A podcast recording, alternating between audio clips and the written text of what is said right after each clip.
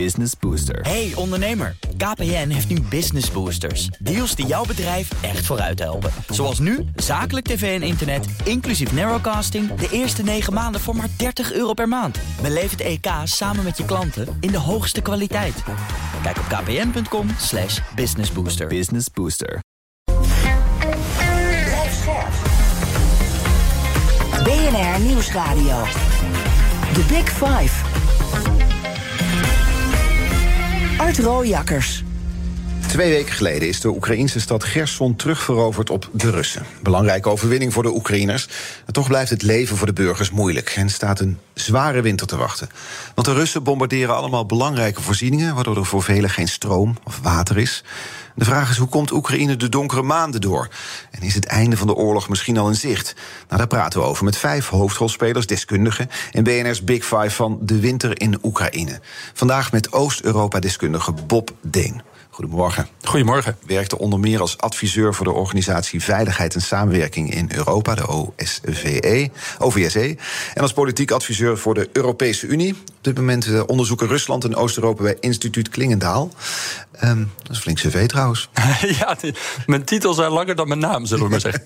Voordat ik het ga hebben met je over de machtsverhouding in deze oorlog, wil ik graag twee dingen van je weten. Allereerst uh, Zelensky, uh, een prominente, een strijdbare en zichtbare president met zijn vele speeches, die dagelijkse videoboodschap.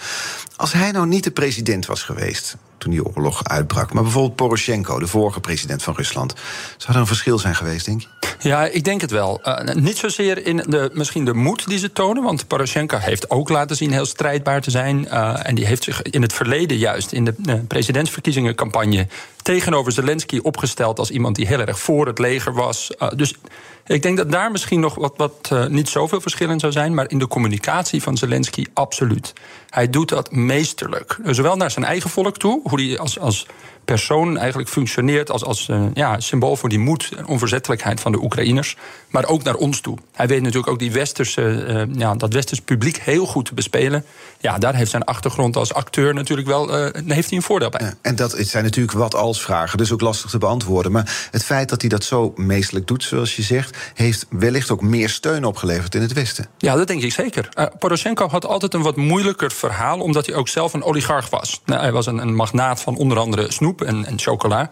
En er hing altijd een beetje zweem van verdenking om hem heen, van ook misschien corrupt en, en, en dergelijke. Dus voor hem zou het moeilijker geweest zijn om die, die kaart te spelen die Zelensky wel speelt, van iemand die aan de macht gekomen is, die juist die corruptie in dat systeem wou, uh, uh, ja, wou verbreken. En Zelensky was ook oorspronkelijk helemaal geen oorlogspresident. Die werd eigenlijk verkozen met de belofte dat hij zou gaan proberen een einde aan de oorlog te maken. Dus voor hem was het veel makkelijker om te laten zien: kijk, ik word hier aangevallen. Uh, dus ongelooflijk wat mijn land wordt aangedaan. Ik heb nu jullie hulp nodig. Ten tweede, al sinds het begin van de Russische invasie verschijn jij regelmatig in, het, uh, in de media om het laatste nieuws rondom de oorlog te duiden. Dat brengt ook verantwoordelijkheden met zich mee. Ben je daar bewust van? Ja, heel erg. Uh, ik had dit natuurlijk nooit verwacht. ik opereerde altijd bij de OVSE en bij de EU meer in de schaduwen. ik adviseerde anderen die dan eigenlijk de boodschap naar buiten brachten. nou moet ik het zelf doen. en ik had natuurlijk nooit verwacht dat mensen het zo belangrijk zouden gaan vinden wat ik persoonlijk vind. Mm -hmm. uh, dat ze zich of door mij gerustgesteld of door, juist door mij ongerust gemaakt uh, voelen. Ja, dat is wel een verantwoordelijkheid die ik ja. nu, uh, nu voel. Heeft in die zin deze oorlog jouw leven overgenomen? Nou, in het begin wel, ja. In het begin nam het het totaal over. Ik zat ook echt elke dag uh, op het Mediapark. Uh, dat, dat, werkte heel ontregelend op alles. Nou, daar wordt niemand ook vrolijk van? Nee, nou, het is een fantastisch vak wat jullie hebben ja, als journalisten. Maar zelf niet bedoel ik. Uh, zo, het, en het eten en energie, dat is ongelooflijk. Dus ik kwam dan doodmoe terug. Uh, ja, mijn gezin had dan niet zo heel veel aan me uh, in het begin. Ja, daar moest ik wel in mei, juni, uh, juli toch wel wat keuzes in gaan maken. Want dat was niet vol te houden. en nu probeer ik, ehm, ja, die oorlog is, is, gewoon een heel belangrijk onderdeel van mijn werk. En ook mm -hmm. van mijn leven buiten werktijd. Maar het moet niet zo groot worden dat alle andere dingen eronder gaan leiden. Nee. We gaan dit uur toch die oorlog eens bespreken. Weer in de media, met je. Met alle plezier. We gaan de koude Oekraïnse winter gaan bespreken. Want daar heeft, hebben we het veel over, ook deze week. En wat dat gaat betekenen voor de oorlog. Of dat de oorlog in een nieuwe fase gaat brengen, zoals je vaak hoort. Ja, ja ik, ik denk het wel. Ik, ik, probeer terughoudend te zijn, want we hebben nu al zoveel nieuwe fases afgekondigd uh, in deze oorlog. Uh, ik denk dat dit de fase waar we in terechtgekomen zijn, eentje is waarin Rusland nog wel aanvallen probeert uit te voeren. Onder andere bij Bakhmut, uh, om nog een klein beetje terrein nieuw te kunnen bezetten. Maar vooral een hele asymmetrische oorlog wordt waarbij Oekraïne gaat proberen gebied te bevrijden. En Rusland gaat proberen keer op keer die infrastructuur te beschadigen om die Oekraïnse wil om te vechten te breken. Dus een, een wat meer asymmetrische uh, oorlogvoering. Rusland wil er een, een, winter van ontberingen voor maken. Ja, en gebruikt het denk ik ook als uh, wat je dan in het Engels bargaining chip noemt. Ze zullen tegen de Oekraïners zeggen: Nou, als jullie ophouden met aanvallen en, en, ons het gebied laten behouden wat we hebben, dan zullen wij ophouden met jullie infrastructuur kapot schieten. Dus het is een soort chantage eigenlijk. Uh, en die tot nu toe niet werkt. Nee. Want de Oekraïnse strijdkrachten geven er geen blijk van dat ze willen ophouden. Want die bargaining chip dat is eigenlijk makkelijk, want dan kun je ook makkelijk zelf aan de onderhandelingstafel. Want je hoeft geen terrein op te geven. Nee, en, en ik werk nu al een jaar of 15 uh, met de Russische onderhandelaars. Die zijn heel goed in het eerst creëren van een probleem. En dan jou te laten betalen om dat probleem weg te laten gaan. Ja, dus nou, dat is in dit geval die kritische infrastructuur, die energievoorziening ja, bijvoorbeeld. Dat doen ze nu dus weer. Ja, ze schieten gewoon keer op keer uh, energiecentrales of verwarming of water, van alles kapot. om maar die druk op te voeren. en eigenlijk was die graandeal dat ook. Dat was ook, wij blokkeren jullie schepen tenzij wij er iets voor terugkrijgen. Mm Dus keer op keer, zij maken het probleem en laten zich betalen om het probleem weg te nemen. Ja, en tegelijkertijd wordt dan ook gezegd, Rusland probeert ook Oekraïne te destabiliseren, het zo onleefbaar te maken, zo zwaar mogelijk te maken dat er weer vluchtelingenstromen naar het westen komen. Ja, en, Zie je dat ook zo? Ja, absoluut. En die vluchtelingen zijn wat Rusland betreft ook gewoon een instrument om druk op ons uit te oefenen. In de hoop dat onze steun voor Oekraïne afneemt. Uh, dat wij een soort Oekraïne-moeheid krijgen. Die term waar ik zo'n hekel aan heb, maar die, die wel vaak wordt gebruikt. Uh, heel erg eigenlijk dat wij moe van iets zouden worden uh, wat in een ander land uh, kapotgeschoten wordt. maar dat is wel waar Rusland op hoopt. Dat hoor je ze ook openlijk zeggen in de, in de staatstelevisie. Maar ik begin me iets anders af te vragen. En, en wat is nou het doel en wat is het middel van wat Rusland aan het doen is? want er komen ook steeds meer discussies op gang. is dit nou ook een, een poging tot genocide? Nou, daar moeten we altijd heel terughoudend mee zijn. Ook juridisch is dat verschrikkelijk moeilijk aan te tonen. Genocide moet je echt de intentie hebben om een volk als zodanig te vernietigen. Maar als je al deze puzzelstukjes bij elkaar optelt, het willen verdrijven van Oekraïners, het uitwissen van de Oekraïnse cultuur in bezet gebied, uh, nou ja, het zijn wel puzzelstukjes die in die richting beginnen te wijzen. Dus uh, er zit ook bij Rusland een stuk uh, ja, vergelding bijna achter dit soort aanvallen. Jullie vallen onze Krimbrug aan en wij schieten jullie energiecentrales kapot. Uh, maar ook wel behoorlijk wat uh, richting het Oekraïnse volk als zodanig inmiddels. Die, die term genocide is een zwaar beladen term. Ja. Dat zou ook meteen een grotere betrokkenheid van het Westen vereisen. Ja, en, en de Oekraïners gebruiken hem vaak. En, uh, en soms, een aantal termen worden misschien te makkelijk zomaar steeds gebruikt. Terrorisme is een andere. dat zijn best lastige, niet altijd even goed gedefinieerde begrippen. Genocide is dat wel. Maar de Oekraïners hebben nog een ander trauma. En dat is die enorme hongersnood die ze hebben gehad ten tijde van de Sovjet-Unie, de Holodomor. Uh, waar ze uh, ook het Kremlin de schuld van geven. Dus zij hebben in hun collectieve geheugen al een eerdere ervaring dat hun bestaan door het Kremlin uh, onmogelijk gemaakt werd. Miljoenen Oekraïners zijn uit het leven gelaten. Ja, en die trauma's, die herinneringen, komen natuurlijk nu ook weer terug. Dus uh, ik heb er altijd wel enig begrip voor dat Oekraïners dat woord genocide gebruiken in dit soort context. Ja, dan is het natuurlijk aan ons en uiteindelijk zal het ook aan juristen moeten zijn om te bepalen: was dit nou een, een daadwerkelijke poging tot genocide? Of, wat natuurlijk ook gewoon nog steeds heel plausibel is, dat dit uh, pogingen van Rusland zijn om een, een, oorlog te winnen. Maar dat het ze niet ging om het vernietigen van het Oekraïnse volk als zodanig. Ja, ja. Nou, de jury is still out daarover, want er is helaas nog daar geen, geen tribunaal of iets dergelijks over. En intussen is het zo dat Rusland dus op deze manier Oekraïne mogelijk probeert te dwingen tot onderhandelingen. Of ja. zover te krijgen dat ze willen onderhandelen. Zelensky wil er niet aan. Nee, kijk, Zelensky staat nu een beetje onder druk van ons om te laten zien dat hij wel degelijk wil praten. Uh, uh, dat, dat merkte je. Er was wat verdeeldheid, vooral binnen de Verenigde Staten, uh, waar de, de chef-staf eigenlijk zei: Zo, nou, nu hebben ze flink wat grondgebied teruggepakt naar Gerson. Nou is een mooie window of opportunity om te gaan onderhandelen. En later uh, Biden, het Witte Huis, dat een beetje moest terughalen. Van nee, wacht even. Het is aan de Oekraïners om te bepalen wanneer ze uh, moeten onderhandelen. Maar ja, toen moest Zelensky natuurlijk wel met iets komen om te laten zien dat hij wel uiteindelijk bereid is ook dit aan een onderhandelingstafel op te lossen. Nou, dat heeft hij gedaan door een aantal voorwaarden te formuleren. Hij heeft een stuk of vijf principes geformuleerd, toch? Ja, dat klopt. Ja. En die voorwaarden, die, die principes zijn zodanig, ja, dat, noem je dan maximalistisch geformuleerd, dat de, dit voor de Russen op dit moment echt niet bespreekbaar is. Namelijk volledige terugtrekking, alle oorlogsmisdadigers uitleveren, volledige reparatiebetalingen. Ja, dat, dat is eigenlijk een eenzijdige overwinning van Oekraïne op, eh, op Rusland. Die we ze natuurlijk allemaal gunnen. Laten we wel wezen, dit mhm. zijn principes die hij ook heel terecht noemt. Maar ze brengen een diplomatieke oplossing nog niet meteen dichterbij. Want Rusland is nog niet bereid om over dat soort dingen te praten. The Big Five. Art Rojakkers. En met vandaag de gast Bob Deen hier in Den Haag. Eh, onderzoeker Rusland en Oost-Europa bij instituut Klingendaal. Laten we eens kijken naar de, de, de machtsverhoudingen in het, in het Westen. Want als we kijken naar deze oorlog, dan zou je in eerste instantie kunnen zeggen: er zijn twee partijen, Rusland en Oekraïne.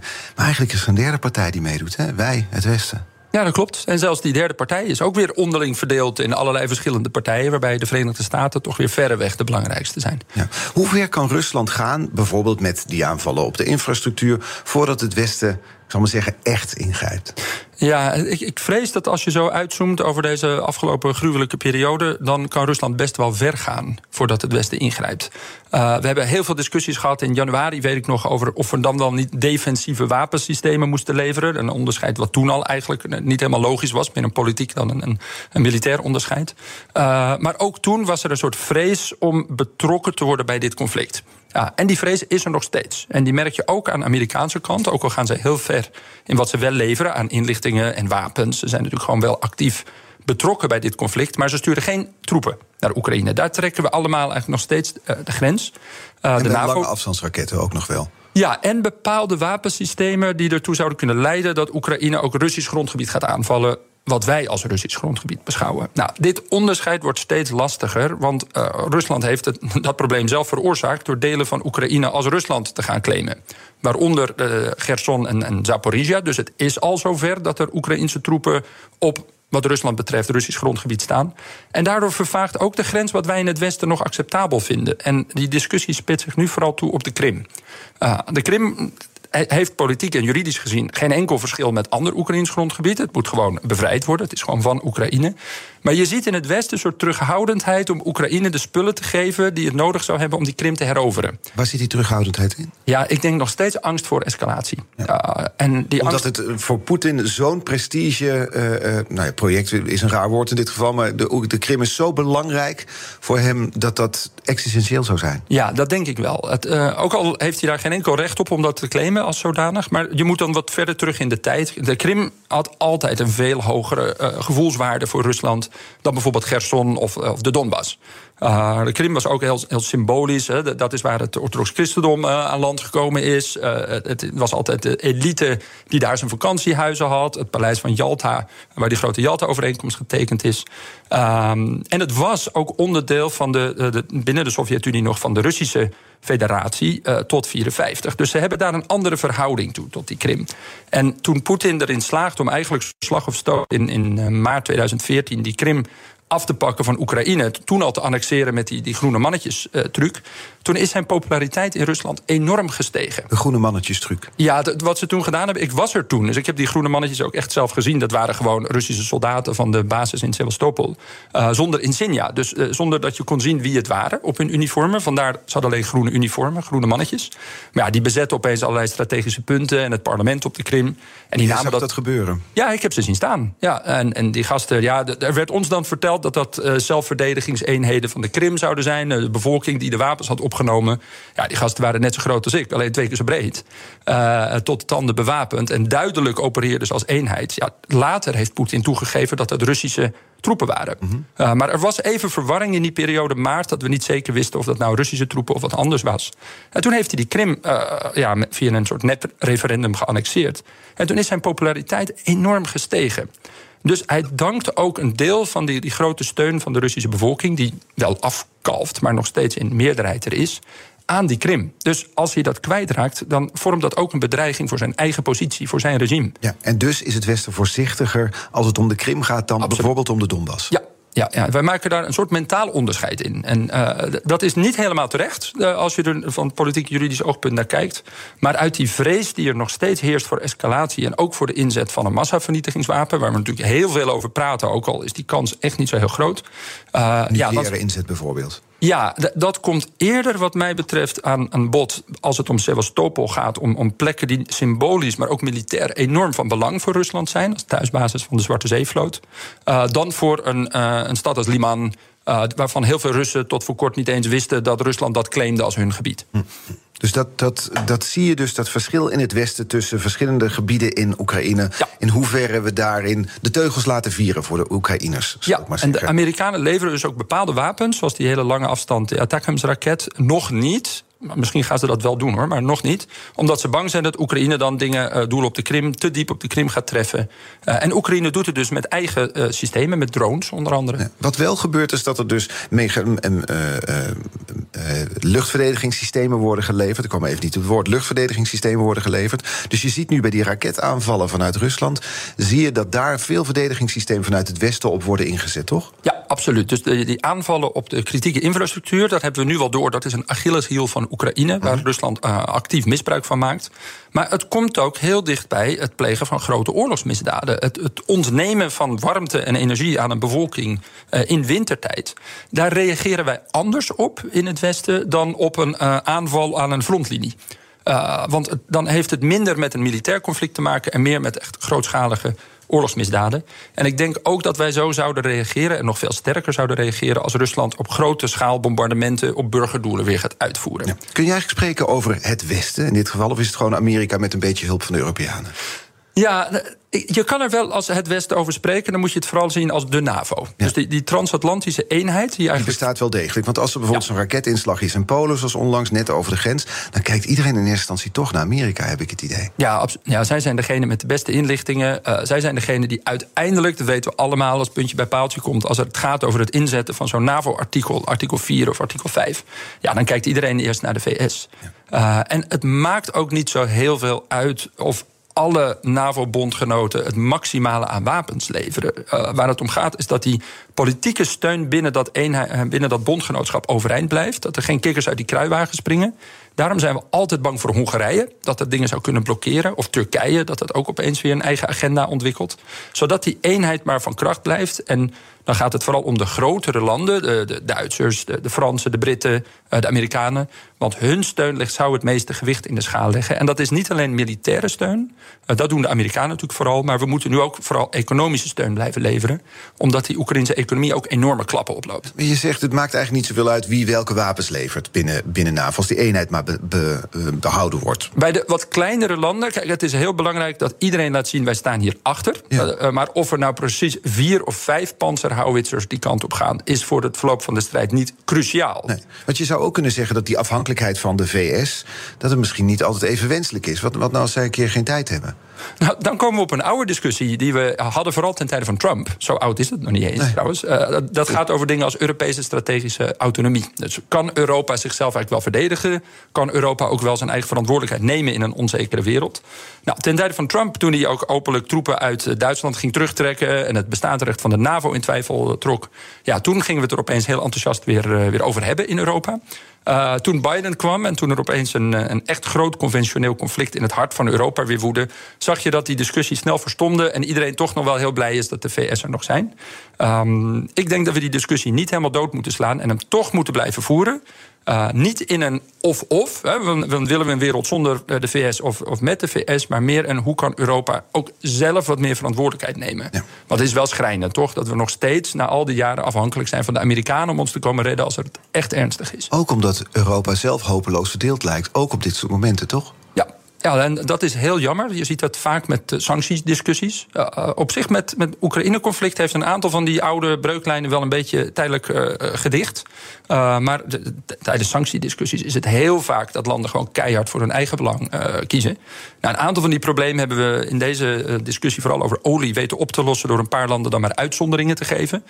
onder andere Hongarije, wat claimt dat het geen havens heeft en dus olie wel via pijpleidingen moet importeren. maar Europa blijft verdeeld. Ja. En hoe realistisch is de kans op, je, noemde net binnen de NAVO... dat mogelijk uh, Hongarije een keer dwars gaat liggen... of Turkije dwars gaat liggen? Hoe realistisch is die mogelijkheid op dit moment? Nou, je ziet het nu gebeuren rondom toetreding Finland en Zweden. Uh, dat zijn precies de twee landen die daar moeilijk over doen. Uh, ik vind dat een land niet te lang kandidaat NAVO-lid moet zijn. Want dan ben je kwetsbaar. Mhm. Kijk, op dit moment, en daarom hebben de Finnen en de Zweden dit moment natuurlijk ook gekozen. Heeft Rusland zijn handen vol. Die zullen heus niet zomaar een conventioneel militair conflict met Finland beginnen. Uh, dan zouden ze misschien niet eens winnen. Uh, de Finnen zijn echt in staat zichzelf goed, uh, goed te verdedigen.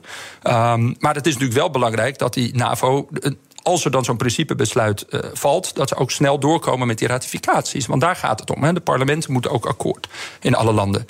Als dat zich nog jaren voortsleept, ja, dat schaadt wel het imago en, en de geloofwaardigheid van zo'n bondgenootschap. Dus ik mag toch hopen dat na Turkse verkiezingen dit uh, wat sneller afgehandeld kan worden. We gaan naar iets toe dat uh, de kettingvraag heet in dit programma. In oh, ons programma stellen gasten elkaar vragen. Gisteren was mijn gast Europa-verslaggever en slavist Geert-Jan Haan. Jullie kennen elkaar volgens mij. Ja. en hij had deze vraag voor jou. Ik weet dat Bob ik een groot Bob fan is van het Jeugdjournaal. En ik weet dat hij daar mag uitleggen hoe de oorlog zich ontwikkelt. Ik weet ook dat hij duizenden vragen krijgt daarover. En ik ben eigenlijk benieuwd, als je een, een oorlog aan kinderen uitlegt, hoe doe je dat? En leer je daar zelf als volwassen duider ook van? Kan hij daardoor beter uitleggen wat de stand van zaken is? Mooie vraag. Veel ja. het jeugdjournaal. Wat, wat levert dat eigenlijk inderdaad op? Hoe, leer je het aan, hoe leg je het uit aan kinderen en leer je er zelf van? Ja, het is het allermoeilijkste uh, wat er is. Uh, en uh, ja, ik heb zelf kinderen in, in die leeftijd die naar het jeugdjournaal kijken. Dus ik, ik had altijd al een. een nou, ik vond het al een, een, heel eervol iets om daar ooit voor te mogen verschijnen. En op 24 februari, toen ik die hele dag in de NOS-studio rondliep, toen kwam ik in de gang mensen van het jeugdjournaal tegen. Toen heb ik gezegd: als, jullie, als ik jullie ergens mee kan helpen, aarzel niet. Nou, toen kwamen ze inderdaad. Geweten. Uh, dat heb ik geweten. uh, maar ook dat, dat interview dat ik toen voor ze gegeven heb... Uh, dat, daar reageerde iemand bijvoorbeeld op Twitter op met... dankjewel, je hebt heel veel mensen geholpen met gesprek aan de rand van het bed. Want onderschat niet hoe bang mensen waren en ook nog steeds zijn. En die angst, en, en ik denk dat ik dat ervan geleerd heb... die angst van volwassenen die straalt af op kinderen. Dus zij weten niet precies wat er nou gebeurt, maar ze zien dat hun ouders bang zijn en daar worden ze nerveus van. Uh, en heeft bijvoorbeeld iemand in de Volkskrant, uh, Avrand Kostius, een column geschreven dat ze dan stiekem zelf eerst maar even het jeugdjournaal keek om naar mij te luisteren om te kiezen hoe ze het aan hun kinderen moesten uitleggen. Nou, dat vond ik wel enorm eervol. Wat leer je er zelf van? Uh, nou, kort en krachtig spreken. Dus niet te moeilijk maken. Maar wat ik er ook van heb geleerd is... kinderen kunnen prima met slecht nieuws omgaan. Dus je moet het niet verbloemen of zo. En dat geldt voor volwassenen ook. Je moet het niet mooier maken dan het is.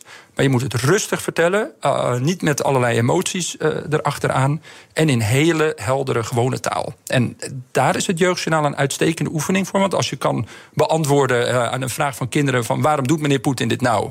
of komt er een derde wereldoorlog? Ja, die vraag hebben volwassenen ook. Alleen die stellen ze wat moeilijker. Mm -hmm. Maar eigenlijk willen volwassenen dat ook. Komt het daarop neer. Dus ja. terug naar de kern. Uh, niet alarmistisch of, uh, of, uh, of juist ook niet, niet te verbloemen als er iets ernstigs is. Maar helder en duidelijk. Helder en duidelijk spreken. Compact, ja. Ja. Morgen is trouwens Marten Kruijf, de gastgeneraal buitendienst, voormalig commandant der landstrijdkrachten. Ja, abonneer je op onze podcast via je favoriete podcastkanaal om geen aflevering te missen. Zometeen praat ik verder met Oost-Europa-deskundige Bob Deen over de winter in Oekraïne. Blijf luisteren. Business Booster. Hey ondernemer, KPN heeft nu Business Boosters. Deals die jouw bedrijf echt vooruit helpen. Zoals nu, zakelijk tv en internet, inclusief narrowcasting... de eerste 9 maanden voor maar 30 euro per maand. Beleef het EK samen met je klanten in de hoogste kwaliteit. Kijk op kpn.com slash businessbooster. Business Booster. Hardlopen, dat is goed voor je. En Nationale Nederlanden helpt je daar graag bij. Bijvoorbeeld met onze digitale NN Running Coach... die antwoord geeft op al je hardloopvragen. Dus, kom ook in beweging. Onze support heb je. Kijk op nn.nl slash hardlopen.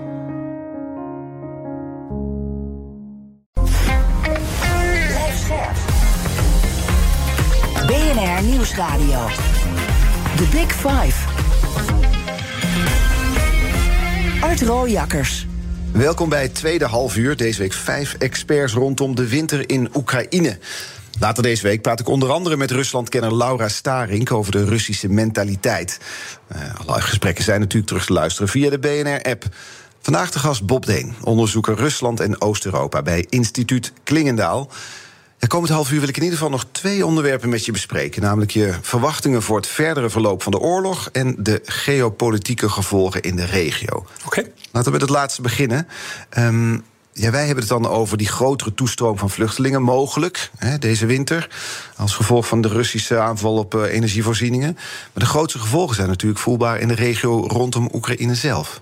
Ja, zeker. Bijvoorbeeld Moldavië, dat had ook uh, stroomuitval. Uh, dat is nauw verbonden aan het Oekraïnse energienetwerk. Um, en dat, dat kreeg ook met problemen te maken. En ik, ik snap wel dat we in Nederland echt zo'n gevoel hebben van uh, één oorlog tegelijk. Dat is ook blijkbaar een, een liedje van Jeroen van Marwijk. Dat werd mij altijd toegestuurd als oh, ja? ik over een andere regio begin. Maar voor Poetin is Oekraïne een onderdeel van een grotere regionale puzzel. En wat hij, is die puzzel? Nou, hij wil die invloed behouden in vele landen die onderdeel uitmaakten van de, of het Russische Rijk of de Sovjet-Unie, noem het maar, de, de Ruski Mir, zoals je, dat, zoals je dat noemt.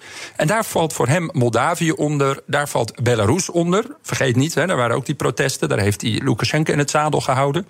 Die bevolking is daar ook helemaal nog niet, uh, nog niet klaar mee. Uh, maar ook de Zuid-Caucasus, waar ik net vandaan kom, valt eronder. En dan nog veel verder voor ons Centraal-Azië, landen als Kazachstan, valt er ook onder. Mm -hmm. uh, en hij zal er alles aan doen om die tanende Russische invloed te beperken en, en zijn greep op die landen te behouden. Dus is Oekraïne daarmee een soort symbool voor andere landen in de regio? Pas op. Ja, nou ja, eigenlijk was Georgië bijvoorbeeld al een symbool voor Oekraïne. Want daar zat ik in 2008 uh, en dat werd ook door Rusland aangevallen om het buiten de NAVO te houden. Uh, dus dat was al een soort waarschuwing waar we niet op, uh, op gelet hadden, of niet genoeg met z'n allen. En Oekraïne was natuurlijk in 2014 ook al aangevallen in de Donbass-conflict en, en de Krim. Dus Poetin is bereid militaire macht in te zetten om politieke doelen te behalen. rekende erop dat wij daar niet op zullen reageren, dat wij daar een beetje bang voor zijn. Um, en zet al die landen op allerlei manieren onder druk. Niet alleen militair, maar ook met chantage wat energie betreft. Veel zijn afhankelijk van Russisch gas of, Rus of elektriciteit. Um, of Armenië bijvoorbeeld, wat uh, in zijn conflict met Azerbeidzjan toch ja, tegen wil en dank nog steeds uh, naar Rusland moet kijken om zijn grenzen te beschermen. Zijn motieven zijn die louter door ijdelheid gedreven of zit er ook een strategisch belang achter? Nee, nee, dit is niet alleen ijdelheid van Poetin. Dat, dat zou echt een denkfout zijn als we het allemaal op die persoon projecteren. Eigenlijk is dit een constante in het buitenlands beleid van de, het Russische Rijk, de Sovjet-Unie uh, en de Russische Federatie. Want uh, nou, er zijn heel veel redenen voor, maar één daarvan is, is puur geografisch en, en militair. Rusland heeft eigenlijk weinig natuurlijke grenzen om zich heen. en is altijd bang voor invasies van buitenaf. En, en de Grote heeft ooit eens gezegd: de enige manier waarop ik mijn grenzen kan verdedigen is door ze uit te breiden. Dus Rusland heeft van nature de neiging om bufferstaten om zichzelf heen te willen hebben. En daar valt die Caucasus onder, daar valt Oekraïne, Moldavië, Belarus onder. Uh, dat is dus een onderdeel van, van hoe Rusland naar de wereld kijkt. Airbag rondom het land. Ja, en Poetin gebruikt, en ook voor hem nog, Yeltsin, gebruikt uh, die, die bevroren conflicten, zoals we die onterecht noemen. Hè. In het Engels protracted conflict is beter, vastzittende conflicten. Uh, dat is een soort ring van instabiliteit om Rusland heen, uh, waardoor wij terughoudend zijn om die landen in de EU en de NAVO op te nemen. Waardoor hij een soort van ja, schemerzone om zich heen houdt.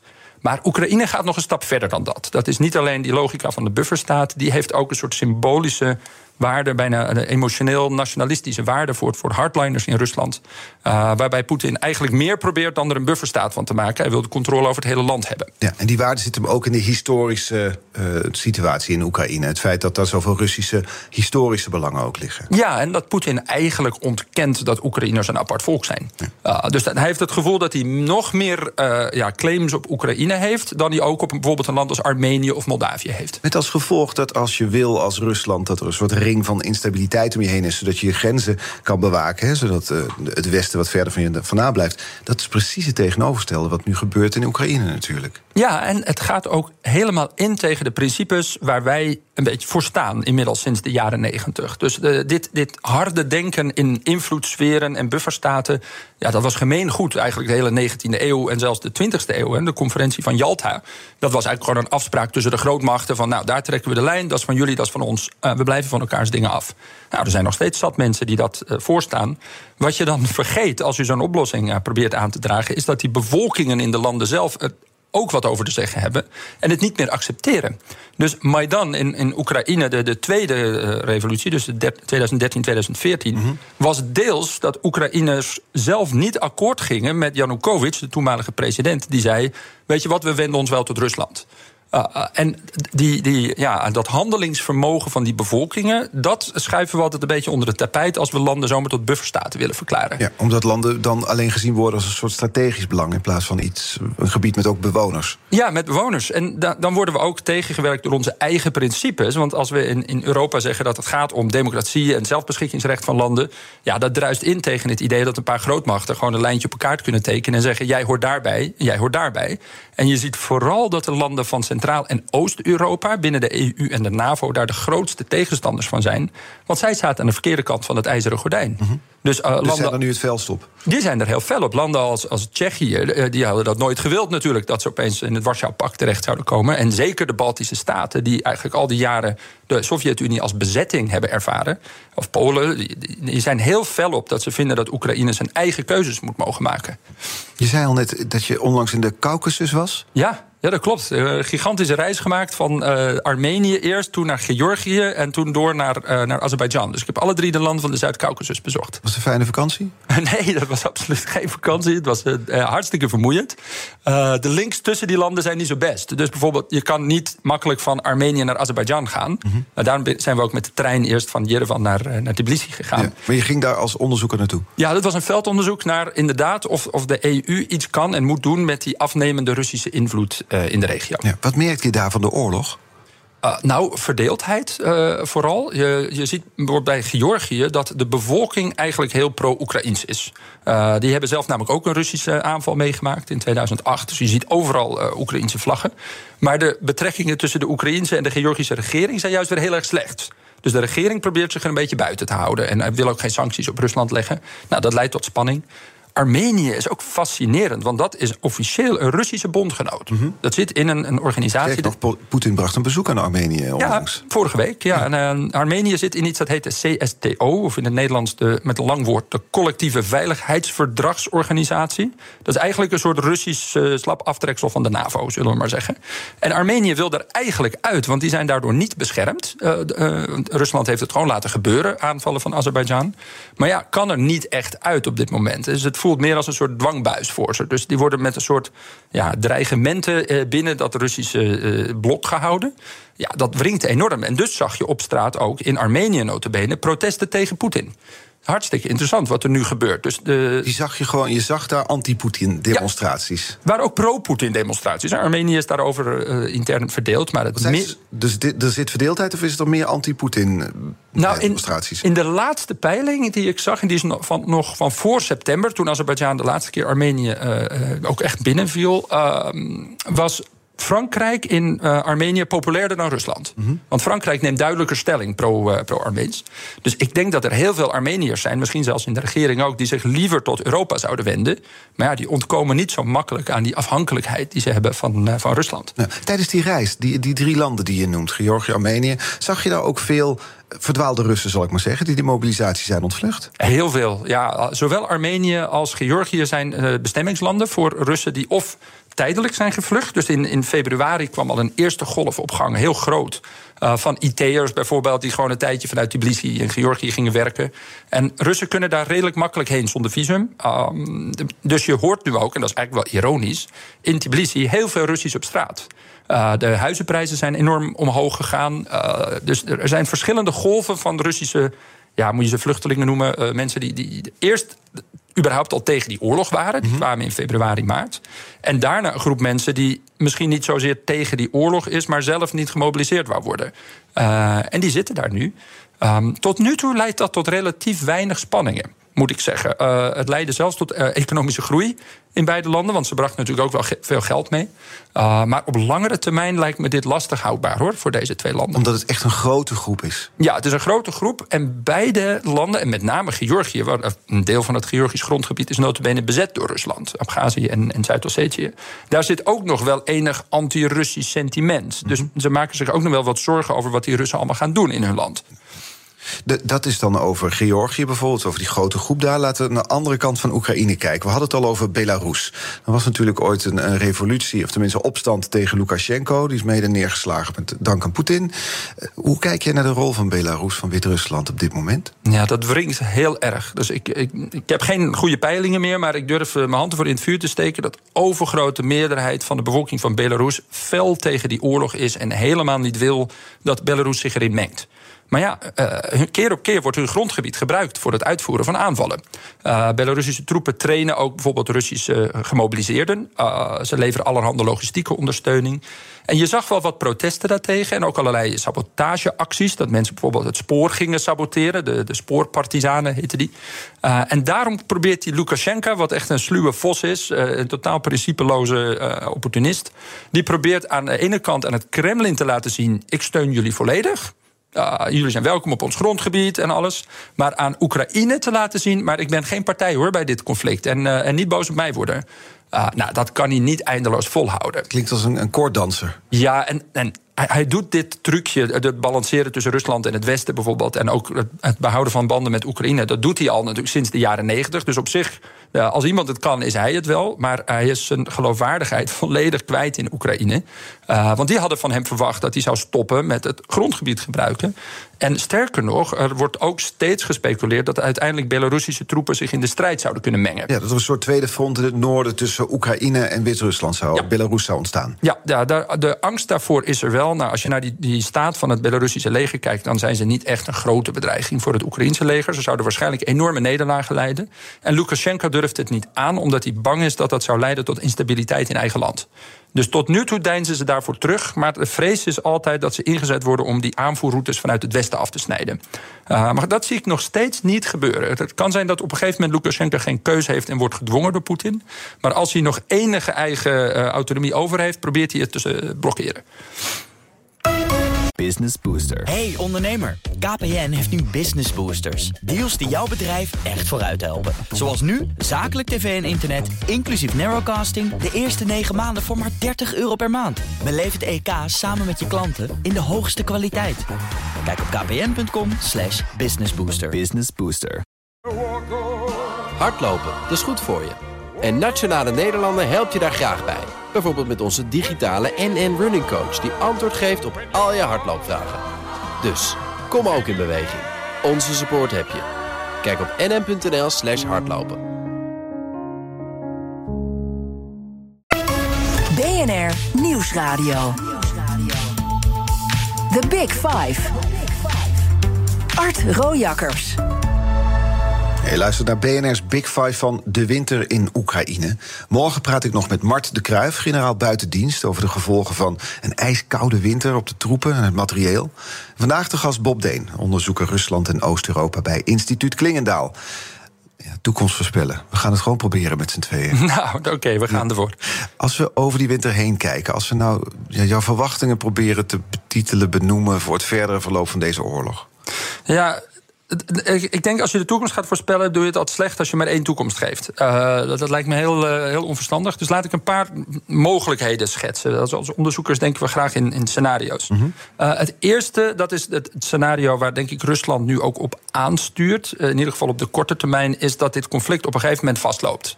dat er toch weer zo'n padstelling ontstaat. Rusland is zich fors aan het ingraven. Loopgraven zien we overal. Hè? Ja, en ook meerdere lagen. Want wat ze slecht deden voorheen in vooral Noord-Luhansk, maar ook bij Gerson hadden ze maar één of twee linies. Nou, daar breken Oekraïners doorheen. En vervolgens moeten ze elke hard wegrennen, gewoon de Russen. Dan is het niet houdbaar. Nu zijn ze bezig met drie, vier linies te graven en die ook veel meer te versterken. Dus um, laat ik het zo zeggen: het Russische leger kan beter verdedigen dan aanvallen. Uh, dus er is een gerede kans dat ze hun linies op een gegeven moment zodanig sterk verdedigbaar maken. dat ze de, de kosten voor Oekraïne voor een offensief heel groot uh, kunnen proberen te maken. En dan ontstaat er op een gegeven moment toch weer zo'n padstelling. Nou, dat is ook afhankelijk van ons het Westen. Zijn wij bereid Oekraïne steeds maar te steunen, uh, economisch, militair, te geven van de wapensystemen die ze nodig hebben om zo'n padstelling te doorbreken? Uh, ik zie vooral Fransen, Duitsers een beetje aansturen weer op iets dat dan Minsk 3, maar dan niet zo mag heten. Maar dan krijg je een soort uh, ja, vastzittend conflict met een onderhandelingsproces eraan vast. Ik denk dat dat het, het voorkeursscenario op dit moment voor Rusland is. Maar ik zie nog een tweede scenario. En dat is dat de Oekraïners die dit ook weten, zeggen: Nou, niks ervan. Uh, wij gaan uh, gewoon door. Die Russen die hebben het hartstikke moeilijk om zich tegen ons te verdedigen. Er komt straks een hele groep nieuw getrainde Oekraïnse soldaten uit het Westen, onder andere uit Groot-Brittannië, uh, aan het front. Die zijn getraind voor offensieve operaties.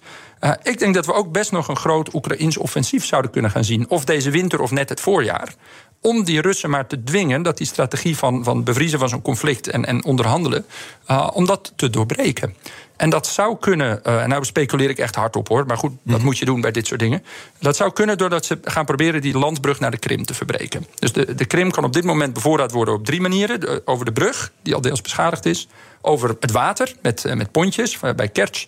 En over land, die lange weg die van Mariupol via Genitschesk zo naar de, naar de Krim gaat als de Oekraïners die kunnen doorbreken, staan ze veel en veel sterker aan een eventuele onderhandelingstafel.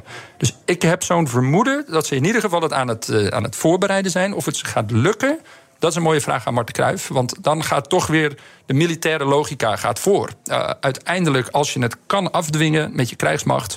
dan sta je gewoon veel sterker aan die politieke onderhandelingstafel. Nou, je noemt hem nu toch al dan, Marten Kruijf. Morgen mijn gast inderdaad. Generaal buitendienst, voormalig commandant der landstrijdkrachten. Wat zou je kettingvraag aan hem zijn? Ja, nou, wij hebben elkaar heel veel gesproken, vooral in het begin, toen we eh, daar bij de NOS eh, zaten op dat mediapark. En ik denk dat we allemaal de, de slagkracht en de moreel van de Oekraïnse strijdkrachten hebben onderschat. En dat van de Russische strijdkrachten hebben overschat. Uh, daar zijn wij niet de enige in hoor. Ik denk dat dat zelfs voor de Amerikanen uh, gold, die Zelensky ook een, een uitweg wilde bieden, hè, helemaal in het begin van die oorlog. Maar ik wou Martan vragen: wat kunnen we hiervan leren als analisten, als duiders? Welke informatie hadden we niet of wat hebben we verkeerd geïnterpreteerd? En wat kunnen we in de toekomst beter doen? Ik ga het morgen vragen, dus Mart de Kruif. Okay. Uh, wat, heb je, wat zou jij beter hebben kunnen doen?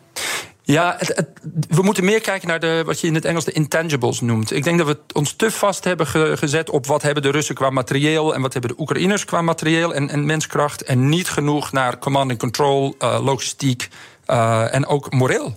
Uh, en de corruptie in de Russische strijdkrachten. Dus dat zijn dingen die voor inlichtingendiensten en voor, voor media en, en open source reporting veel lastiger te meten zijn. uh, waarom vochten die Russen zo raar? Want ik, ik, had ook niet gedacht dat ze Kiev zouden aanvallen, omdat het volgens hun eigen doctrine bijna niet te doen was. En toch deden ze het, en dan deden ze het ook nog eens slecht. Met een hele lange file, die eigenlijk helemaal niet, niet logisch was. Ik denk dat we het daarvan moeten leren, dat we ook meer ons moeten verdiepen in hoe worden dit soort besluiten binnen Rusland eigenlijk genomen. Is daar inmiddels al wel een antwoord op waarom ze het zo, zoals je noemt, slecht deden? Of bijvoorbeeld die lange file, die kolonnen van vrachtwagens die maar daar vast stond op weg naar Kiev? Ja, we weten nu veel meer. Dat komt deels ook door de manier waarop de Russen bevelen geven en uitvoeren. We weten nu beter hoeveel er gelogen wordt binnen die Russische krijgsmacht. Over wat ze wel en niet hebben, over de staat van hun voertuigen, hoeveel er gejat wordt. Want een deel van die voertuigen stonden vast vanwege slecht onderhoud. Of dat, dat onderdelen gejat waren of er goedkope Chinese wielen onder zaten. En er wordt gelogen omdat? Omdat iedereen bang is voor gevolgen binnen dat systeem. Uh, en ook omdat iedereen zichzelf aan het verrijken is. Dus de, de, de, strijdkrachten in Rusland zijn ook een soort corruptiepyramide geworden. Uh, maar alle ondergeschikten zijn bang om gestraft ook te worden door hun uh, superieuren. Dus die geven ook steeds informatie, die keten naar boven toe, die eigenlijk iets te rooskleurig is. Mm -hmm. Nou, vervolgens nemen bevelhebbers daarop besluiten en blijkt het niet te kloppen. Nou, dan wordt er weer zo'n generaal ontslagen door Poetin. Maar, maar heel even praktisch. Je verrijk je in als, als nou ja, commandant of hoe dan ook. Op wat voor manier verrijk je door te zeggen: ik verkoop deze tank in plaats van dat ik hem inzet? Nou, de tankverkoop is lastig, want daar heb je niet zomaar een afnemer nee. voor. Maar je kan wel alle diesel eruit jatten en die verkopen. En zo gaat dat. En zo gaat dat. En dat wordt dan in Belarus geruild tegen bijvoorbeeld alcohol. Uh, en we hebben ook beelden gezien, ja, het is echt heel schrijnend hoor. Maar dat de Russen bijvoorbeeld nieuwe radio's hadden besteld. omdat hun communicatie heel slecht is. De mhm. Oekraïners kunnen alles aftappen. Uh, en dan blijken ze dat niet zelf gemaakt te hebben. wat ze hadden gezegd tegen hun, hun superieuren. maar gewoon goedkoop commercieel uit China gekocht te hebben. Uh, en dat in een ander hoesje gedaan te hebben. Dus de, de uitholling van die Russische krijgsmacht. Het is bijna, in het, in het Russisch heb je dat Patjomkin. Hè? Dat, we noemen het ook van een Patjomkin-dorp. Waarbij alleen maar gevels staan. En er staat eigenlijk geen, geen uh, dorp achter. Nou, het is bijna een Patjomkin-leger geworden. Het zag er heel erg mooi uit op parades. Maar toen ze echt moesten gaan vechten, bleken ze maar weinig eenheden te hebben die echt professioneel goed konden opereren. En bleek heel veel materieel uh, gewoon slecht onderhouden of, of uitgehold te zijn door corruptie. Ja, dat had ik ook van tevoren niet zo erg ingeschat. Nee, en dat betekent voor de komende winter eh, speelt het ook een rol, neem ik aan, toch? Ja, dat is verschrikkelijk. En kijk, ik, ik weet wel dat ik krijg altijd kritiek als ik wat uh, empathie toon voor die gemobiliseerden. Want uh, dan zeggen mensen ja, maar ze kunnen ook in opstand komen tegen Poetin. Nou, zo makkelijk is dat echt niet, kan ik je vertellen. daar worden dus gewoon jonge jongens uit achterstandsregio's in Rusland, vaak etnische minderheden, worden geronseld, in treinen naar het front gestuurd. hun familie geeft ze dan warme kleding mee. Die wordt vervolgens gejat door het Russische leger. Dus ze komen met bijna niks aan. En dan krijgen ze een yogamatje en een plastic tent. En dat is het. En daar moet je het mee doen met min 15. Nou, uh, je ziet dus nu al allemaal beelden van jongens die duidelijk hypothermia hebben, die onderkoeld zijn. Die liggen dan in een soort van kuilen uh, om met elkaar, om, om zich warm te houden. Ja, en dat moet zich dan gaan verdedigen tegen dat uh, heel goed getrainde, hypergemotiveerde Oekraïense leger. Ik denk dat die winter die Rusland probeert in te zetten tegen de Oekraïense bevolking, die gaat ook nog een enorme tol eisen van hun eigen strijdkrachten. Ja. Als we verder kijken dan die winter, we hebben het al gehad over het einddoel van, van Oekraïne. Ze willen eigenlijk gewoon, ze willen alles, alle Russen het land uit, uh, het hele gebied terug, de oorlogsmisdadigers uitleveren, et cetera. Einddoel voor Poetin, wat is dat? Ja, dan komen we op een, een heel pijnlijk punt. Ik denk dat toen Poetin begon aan, aan dit conflict, dacht hij: dit duurt een uh, paar weken, een paar maanden, doen we even snel, we leggen onze wil op aan Oekraïne zijn we klaar. Uh, inmiddels is dit, dit gemuteerd of, of overgegaan tot bijna een existentiële oorlog voor zowel Oekraïne als Poetin. Ik zeg niet Rusland, want ik denk niet dat de hele Russische bevolking het als zodanig ziet. Maar het regime heeft nu zijn lot wel aardig verbonden aan deze oorlog.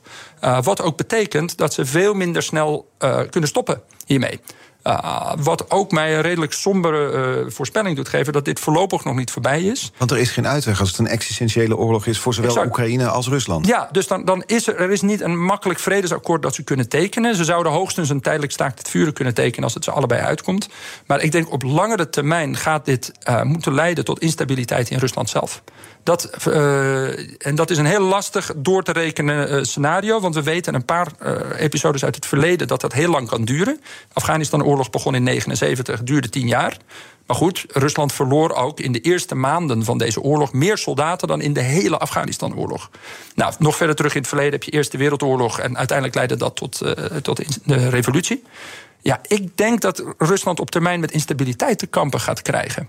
Uh, maar hoe lang die termijn is, dat is erg moeilijk in te schatten. En dat kan ook in het hedendaagse Rusland, instabiliteit. Want het ja, voelt alsof elk protest zo meteen de kop wordt ingeslagen... dat zo'n bevolking ook bijna niet in opstand kan komen. Ja, nou, Rusland lijkt stabiel tot het opeens niet meer is. Dat is het lastige met dit soort staten noem je niet uh, fragile states... want dat is Rusland zeker niet, met een sterke staat en sterke veiligheidsdiensten...